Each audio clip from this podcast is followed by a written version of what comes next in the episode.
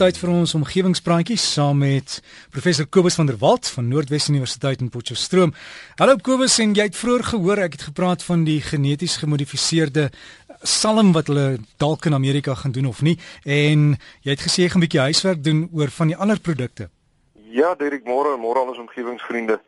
Ja, jong, eh, dis nou om my kop in 'n bynes in te druk want daar's uh, baie uiteenlopende en en baie um, heftige meningsverskil oor geneties gemodifiseerde organismes. Maar ek sal 'n bietjie my huiswerk gaan doen soos jy sê. Ek is uh, glad nie 'n kundige op die terrein nie, maar gelukkig hier by ons universiteit ehm um, is daar uh, mense wat aktief op hierdie goed navorsing doen en ek sal 'n bietjie by hulle gaan kers opsteek en as ons dan gespaar bly volgende week meer daaroor gesels. Maar uh, jy het nou die voorbeeld genoem van die salm ek is baie dankbaar dat Amerika besluit het om nie die salm in die uh, natuur vry te laat nie.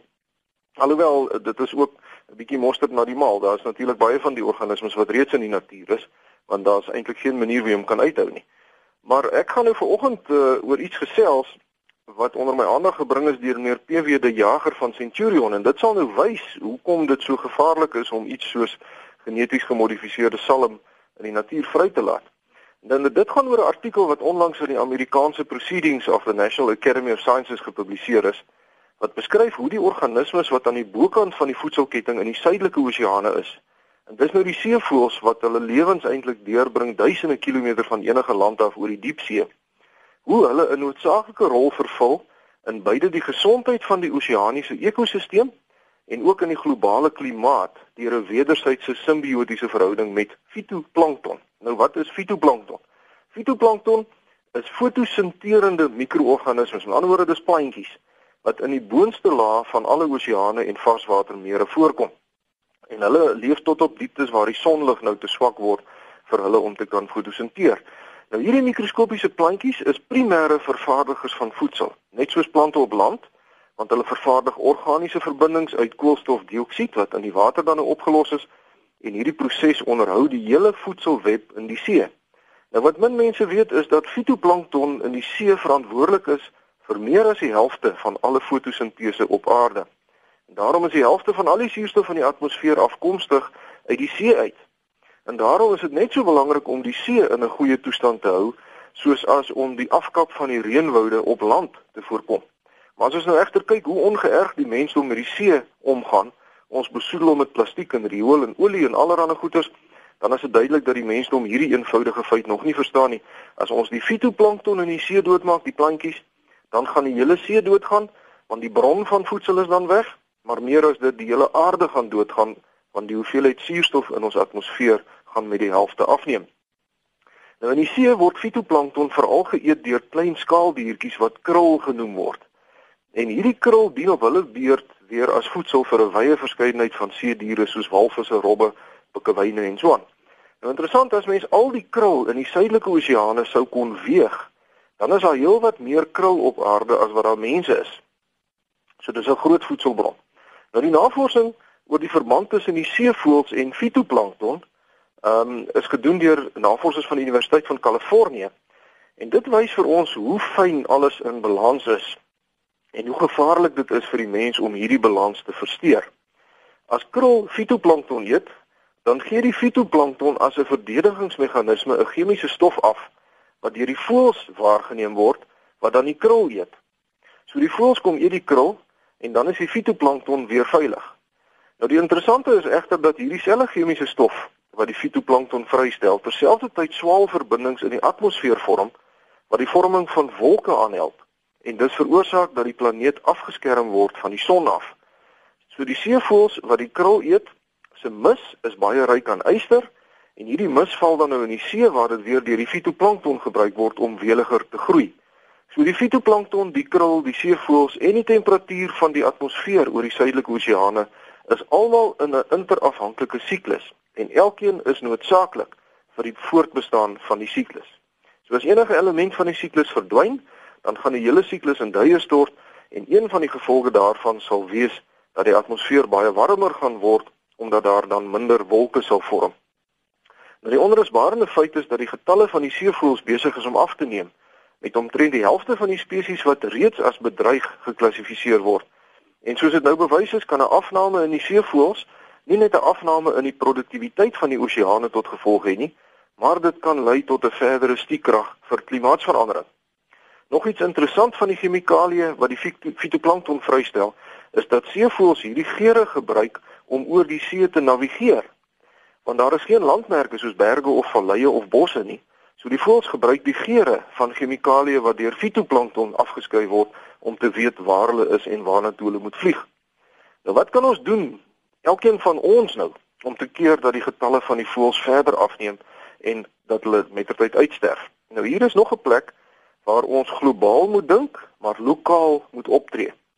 Want elke stukkie plastiek wat nie in 'n rivier beland om mettertyd in die see ingespoel te word en organismes daar te gaan doodmaak nie, is deel van die oplossing. Elke kilogram steenkool, elke liter petrol, elke bietjie elektrisiteit en elke liter water wat gespaar word en elke spesies op aarde um, in die of in die see wat ons van uitsterwing red, help om hierdie verskriklike invloed wat die mensdom op die aarde het te verminder.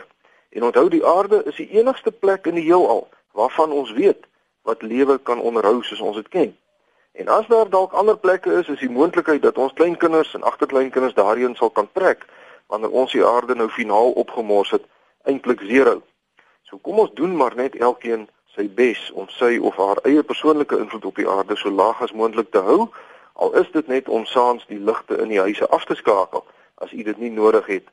Um, as u nie in die vertrekke is nie, so die ligte moenie uh, onnodig staan en brand nie. Baie dankie meneer PW de Jager van Centurion wat u my na daardie interessante artikel verwys het. En dan Dirk, wil ek graag vanoggend 'n groot gelukwensing uitdeel aan die stad Kaapstad. Uh wat meer as 150 ander wêreldstede verlede week uitgestof het om aangewys te word as die aardeuur hoofstad van die wêreld. Nou hierdie kompetisie word deur die Wêreld Natuurlewe Vereniging gehou en die kriteria is om te kyk na watter aksies 'n stad implementeer om klimaatsverandering te bestry en om vir sy inwoners 'n skoon en veilige omgewing te bied. En Kaapstad het die beoordelaars vir jaar beïndruk met die talle maatreëls en projekte wat aan die gang is om die stad se koolstofvoetspoor so laag as moontlik te kry. Die beoordeel die beoordelaars het gesê dat Kaapstad uitstaan as 'n rolmodel vir ander lande met 'n verskeidenheid van groenprogramme en projekte wat deur alle ander stede op aarde nagevolg behoort te word. Die waardetoevoeging van hierdie programme is dat dit terselfdertyd help om aan die verbeterde uh, om vir die mense verbeterde voedselsekuriteit te gee en ook meer water en energie. Um, en dit sal natuurlik almal se lewensomstandighede verbeter. Nou my uitdaging vir oggend aan die ander stede en dorpe se leiers hier in ons land. Kyk na wat Kaapstad doen, want hulle kry internasionale erkenning daarvoor en doen dan dieselfde in julle dorpe en stede.